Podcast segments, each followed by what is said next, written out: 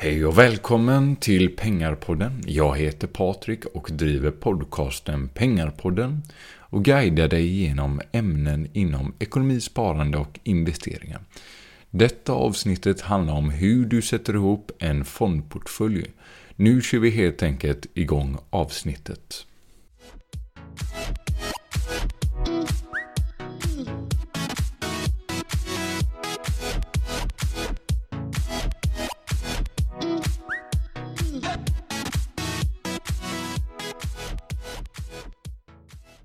Du kanske undrar vad en fond egentligen är för något?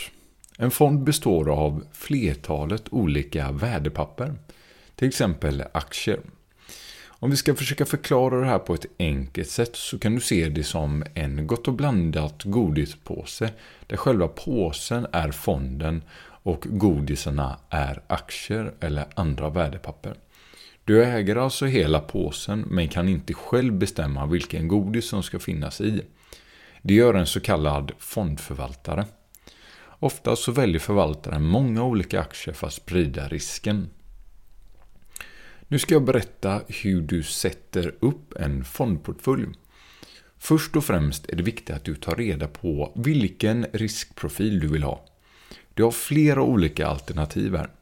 Det finns en strategi som säger att den åldern du är, så stor andel räntor ska du ha. Till exempel då, är du 35 år så ska du ha 35% räntor i din portfölj enligt denna strategi.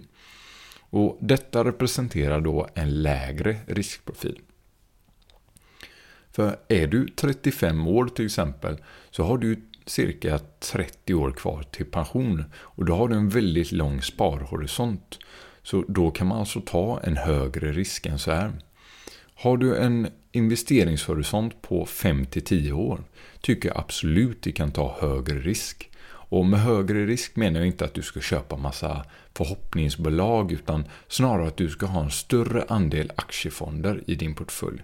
Kanske till och med att du ligger nästintill fullinvesterad. Så ta reda på vilken riskprofil du vill ha. Vill du ha låg, låg risk ska du ha en större andel procent räntor i din portfölj. Vill du ha en högre risk så ska du ha en högre andel aktiefonder. Så räntor är alltså låg risk och aktiefonder är lite högre risk. Och beroende på din riskprofil så får du anpassa din portfölj enligt den riskprofil och den risk du vill ta i ditt sparande. Men det är även viktigt att lyfta fram att har du större andel räntor i din portfölj så får du även då en lägre potentiell avkastning. Detsamma gäller om du har större andel aktiefonder och tar en högre risk så kan du också nå en högre potentiell avkastning. Så det gäller att hitta en balans där. Och Det finns väldigt många olika typer av fonder. Det finns räntefonder, aktiefonder, ETFer, alltså börshandlade fonder, hedgefonder och så vidare och så vidare. Det jag tycker du ska ägna dig åt främst är aktiefonder. En billig svensk eller global indexfond kan vara en bra bas i en fondportfölj för att få en bra riskspridning och få en bra exponering mot börsen. Sedan tycker jag att du ska ha en småbolagsfond eller teknikfond för att få lite mer krydda i din fondportfölj. Men småbolagsfonden och teknikfonden bör utgöra en lite mindre del av din portfölj. Vill du ha en lägre risk i din fondportfölj får du även komplettera med en andel räntefonder, eh, räntefonder eller placera dina pengar på ett räntekonto som gör att du minskar risken en aning i din fondportfölj. Många personer brukar prata om globalfonder för att få en global riskspridning kontra att köpa en svensk indexfond som enbart exponerar mot Sverige. Men Sverige är ett litet exportberoende land som har många företag som har merparten av sin försäljning utomlands. Till exempel verkstadsbolagen och så vidare. Så jag tycker inte det är nödvändigt att köpa en global fond bara för att få riskspridning globalt. För Sverige är redan väldigt globalt exponerad via sin export. Och skälet till att vilja investera utanför Sverige borde vara att du vill få exponering mot företag som inte finns i Sverige. Men det kan även vara bra att ha eh, en global fond. med tanke på att eh, eh, svenska börsens index är väldigt tunga inom just industri och banker framförallt. Så du kanske vill ha en global exponering för att kunna få andra typer av branscher och få en, få en mer riskspridning på så sätt. Så det skulle kunna vara bra att ha en global indexfond på så sätt. Nu ska jag ge dig några superbra tips om fonder. Om du inte redan känner till det så finns det en hemsida som heter morningstar.se och där kan du sortera fonder eller jämföra fonder med varandra på ett enkelt och överbegripligt sätt.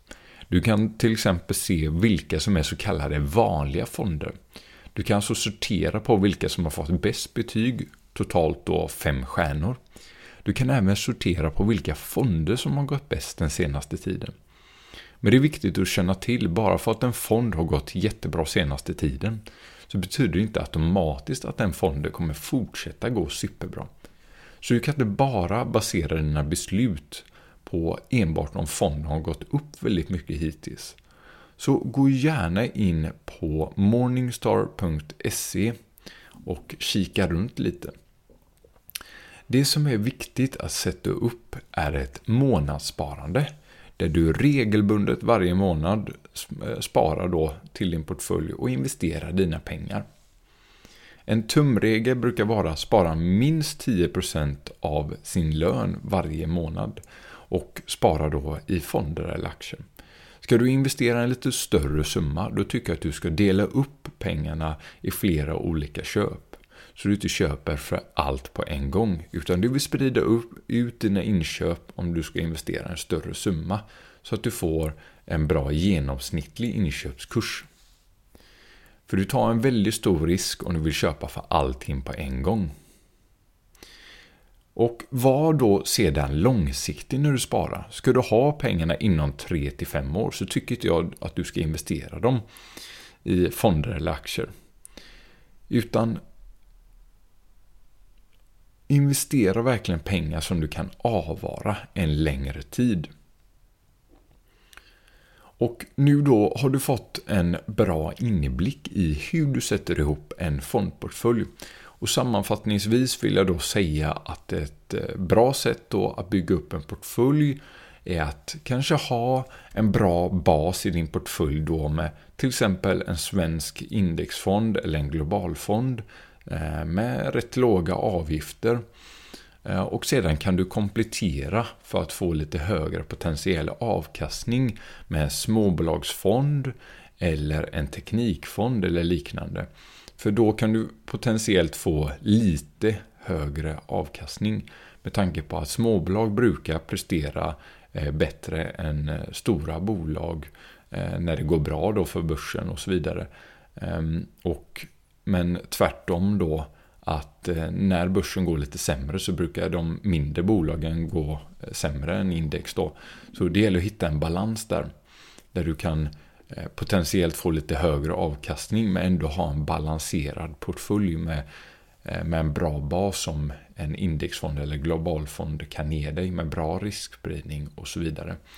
Och Sen vill jag också sammanfattningsvis säga att vill du ha då en större andel aktiefonder så tar du en lite högre risk. Och vill du ha en lägre risknivå får du ha en större andel räntor i din fondportfölj.